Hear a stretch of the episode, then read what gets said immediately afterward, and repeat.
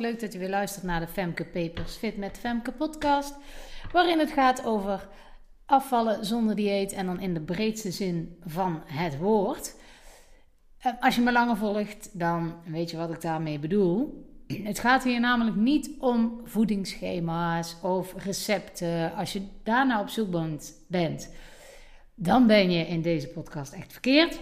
Het gaat hier juist om de gedachten, gevoelens die je hebt rondom dat afvallen en wat je daarin kan tegenhouden.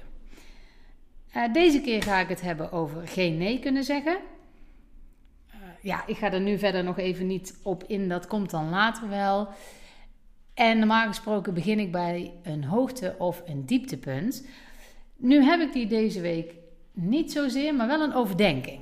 En ik denk dat je daar op zich wel in mee kan omdat dit niet alleen voor mij geldt. Denk ik. Ik bedacht me namelijk ineens als mensen aan je vragen van... Goh, hoe gaat het? Dat je voorheen, en ik zeg het met nadruk voorheen... zei of kon zeggen, zijn gangetje. En dan ben ik over nagedacht. Ik weet niet waarom, het kwam ineens in me op. Dat ik denk, ja, zijn gangetje...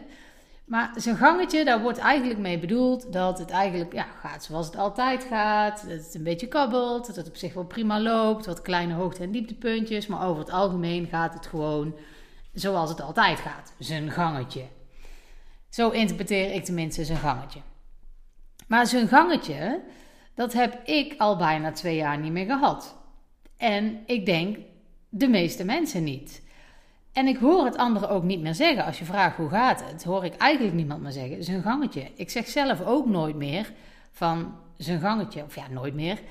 De afgelopen twee jaar heb ik het in ieder geval nauwelijks gebruikt. En dat heeft te maken met nou, veranderingen die ik zelf uh, heb teweeggebracht, zeg maar. Die mijn eigen to-do zijn. Uh, zoals de scheiding.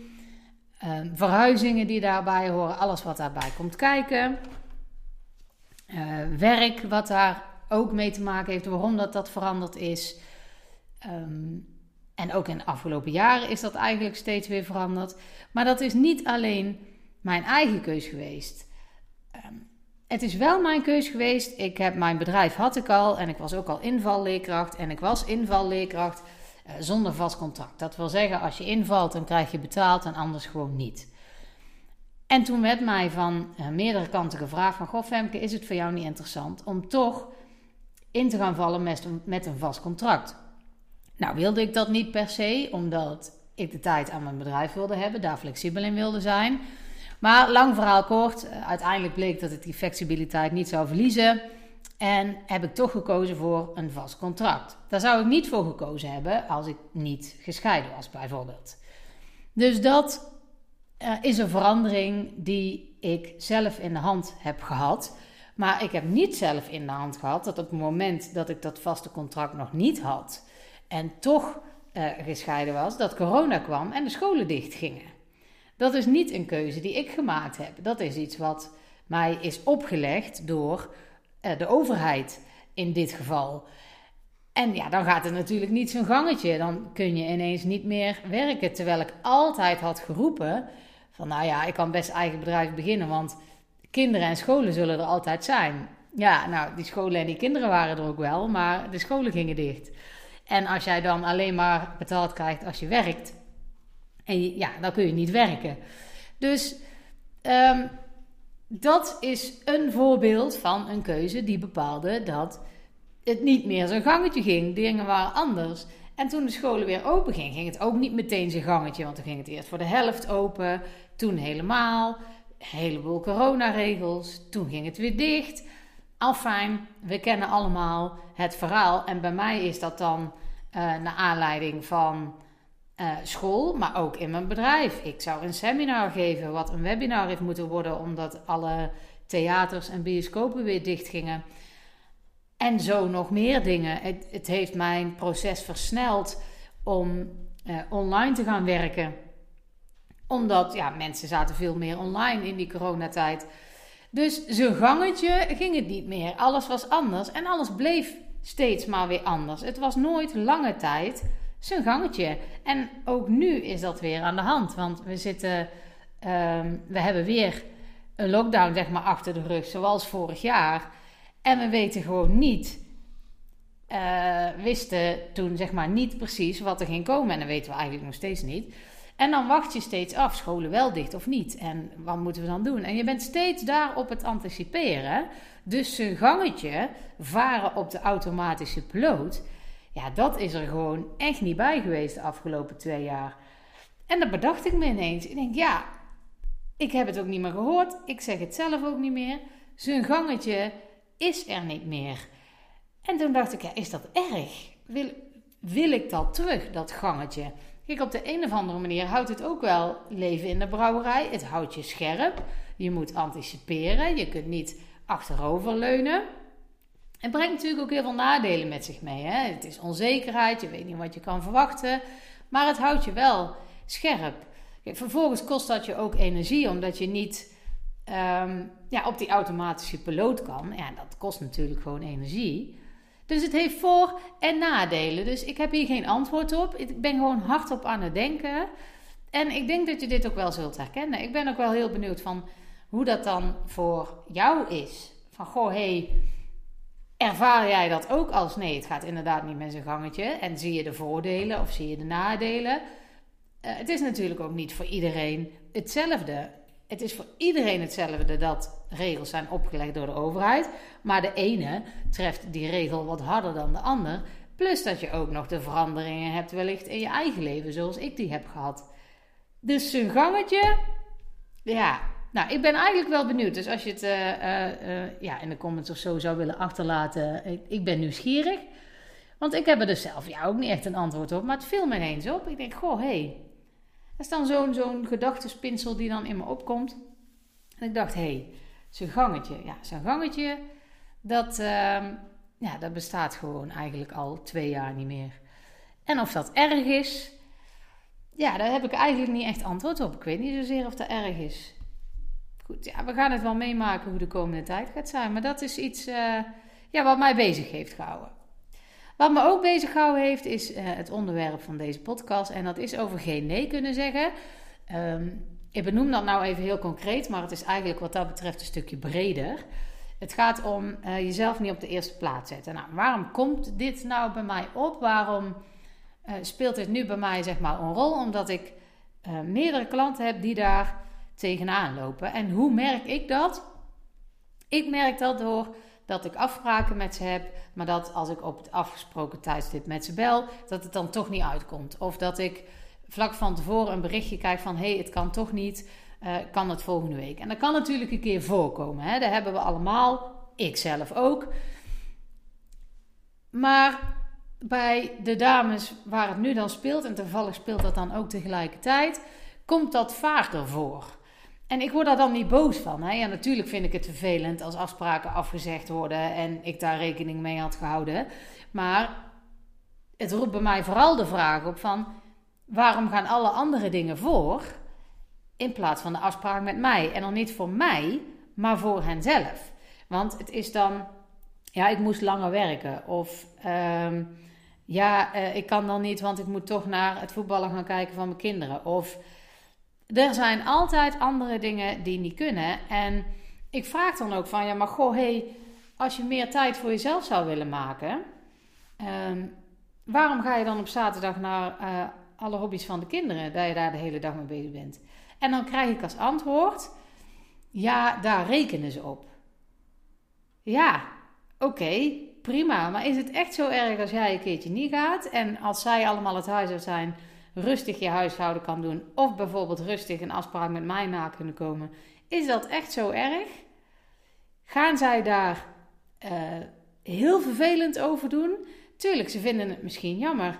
Maar het gaat niet om hen, hè? Weet je, of ik zeg dat verkeerd. Het gaat wel om hen. Het gaat niet om jou. Het gaat niet om jou of dat jij er bent. Zij gaan hun hobby beleven. En die beleven ze ook wel als jij er een keer niet bent.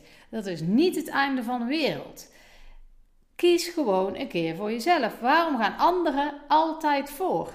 Er zijn echt wel momenten waarop ik kan zeggen, ja, en nu niet. Ja, die andere dame van, van, die zei van, ja, ik ben nog niet klaar met werken. Ja, maar dit is jouw werktijd. Dan stop je gewoon en dan ga je naar huis. En ik snap wel dat dat soms niet altijd uitkomt.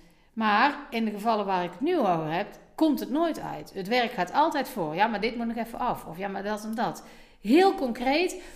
Het ging over ehm, eh, een systeem wat op het werk van die klant van mij niet werkte. En vlak voor het einde van de werktijd werkte dat systeem ineens weer wel op de computer. En kon er dus ineens wel weer op de computer gewerkt worden. Was dat systeem nou gaan werken 10 minuten later, dan was ze al weg geweest. Dan was ze natuurlijk niet teruggegaan naar de werk om alsnog te gaan werken, maar ze bleef. En ik snap dat je daar een keer voor kan kiezen, omdat je dan toch nog even, als je even doorwerkt, het werk voor de volgende dag klaar kan hebben. Dat begrijp ik wel, maar ze had een afspraak met mij. Snap je waar ik heen wil? Ze had die afspraak met mij ook gewoon kunnen doen. Nee, die wordt dan afgezegd. En dan gaat het niet om mij. Het gaat om dat je jezelf dus altijd op de laatste plaats zet. Je zegt geen nee. Terwijl je heel makkelijk kan zeggen: ja, maar nu kan ik niet meer. Ik, ik heb een afspraak net na mijn werk. Helaas, het komt morgen wel weer. Dat is niet erg als je dat doet. Een ander gaat jou daar niet op afvallen. Het is gewoon het einde van jouw werktijd. Er is niks aan de hand. Wat een ander daarvan vindt, doet er niet toe. Een ander heeft daar niks van te vinden. Dat zijn gewoon de keuzes die jij zelf maakt. Maar jij kiest er zelf voor om het een ander naar de zin te maken. En om niet te kiezen voor afspraken die voor jouzelf belangrijk zijn. Want aan de ene kant zeg ja, het is wel belangrijk en ik moet er echt iets aan doen. En ik snap ook niet waarom ik het niet doe. Ja, ik snap dat wel. Jij zegt geen nee tegen anderen. En het is een cliché, je hebt het wellicht vaker gehoord. Maar een nee tegen anderen is een ja tegen jezelf. En in dit concrete geval is dat ook zo. Nee tegen overwerken is ja tegen werken aan je eigen persoonlijke doelen die je heel graag wil behalen. Maar doordat jij dat steeds niet doet, gebeurt dat ook niet. Daardoor kan ik niet helpen. Dus het is niet dat mijn manier van werken niet werkt. Want je hoort heel vaak, ja, maar dat online, dat is niks voor mij. Of ja, maar belafspraken is niks voor mij.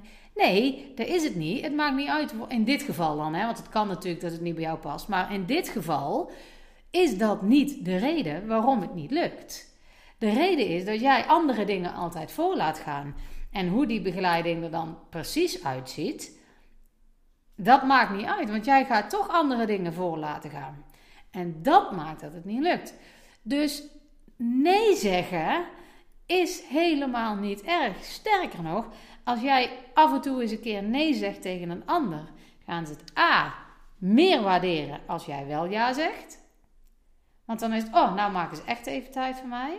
Dan weten ze ook, nu is diegene er echt en wil diegene er ook zijn.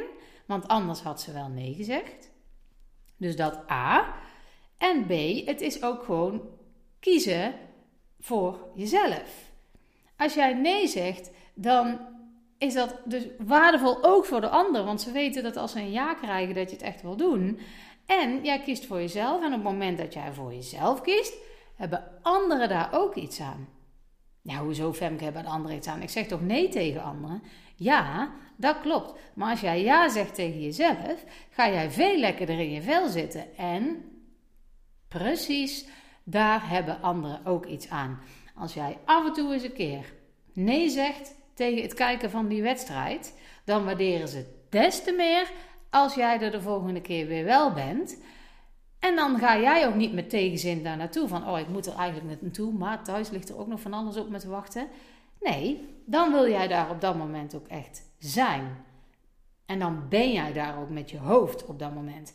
Als jij overal ja tegen zegt, kun je nooit ergens 100% bij zijn. Omdat je altijd in je hoofd hebt: oh, dit moet nog, dat moet nog, daar heb ik nog ja tegen gezegd. En als jij daar concrete keuzes in maakt, dit wel, dit niet, dan geeft dat veel meer rust voor jezelf. En je weet inmiddels, als je langer naar deze podcast luistert, als je rust hebt in jezelf, dan zul je minder snel die kast ingaan. Ik heb het hele mindset afvalmodel wat ik gemaakt heb, is de rust ook de fase waarin je wil komen. Want dat maakt dat je in de fase komt waarbij het gaat lukken, het afvallen.